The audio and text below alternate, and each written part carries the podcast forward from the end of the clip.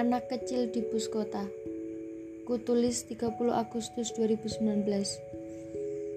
Kursi berderet dari bapak supir hingga bangku paling ekor. Wajah-wajah mengeluh tentang terik hari ini. Beberapa terlelap pula selah dengan rutinitas kota. Kendaraan roda empat ini melesat menembus sepanjang padat lalu lalang.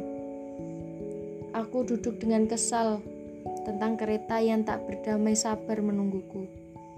Lima menit menjengkelkan, membuatku harus terduduk di antara deretan kursi-kursi bus kota. Bukan hal baru juga menakutkan sebetulnya. Hanya saja kau tahu aku sudah jatuh cinta pada kereta.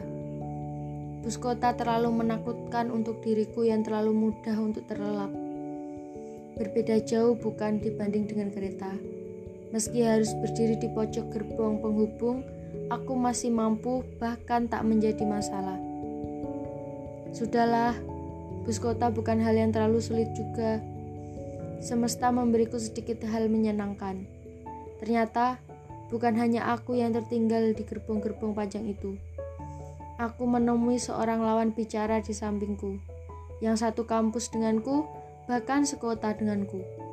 Melegakan, setidaknya Tak ada rasa khawatir berlebih jika saja tiba-tiba aku terlelap. Seperempat jam perjalanan bus kota ini, ia terhenti.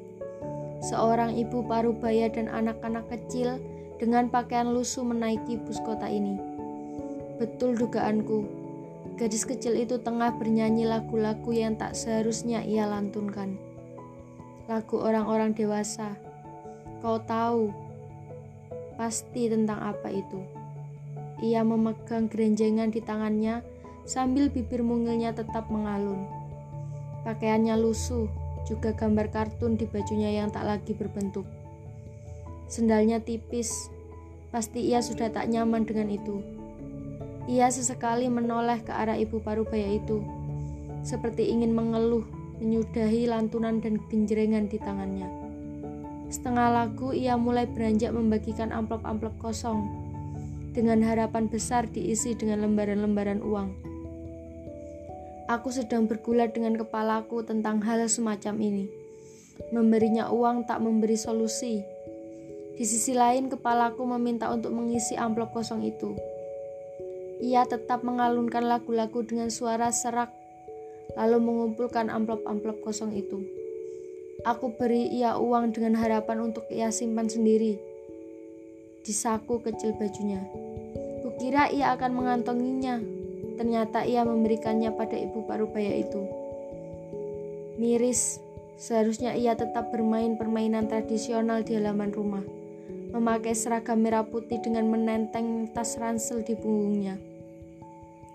Kebebasannya dirampas atau ia dilahirkan diperuntukkan untuk hal semacam itu.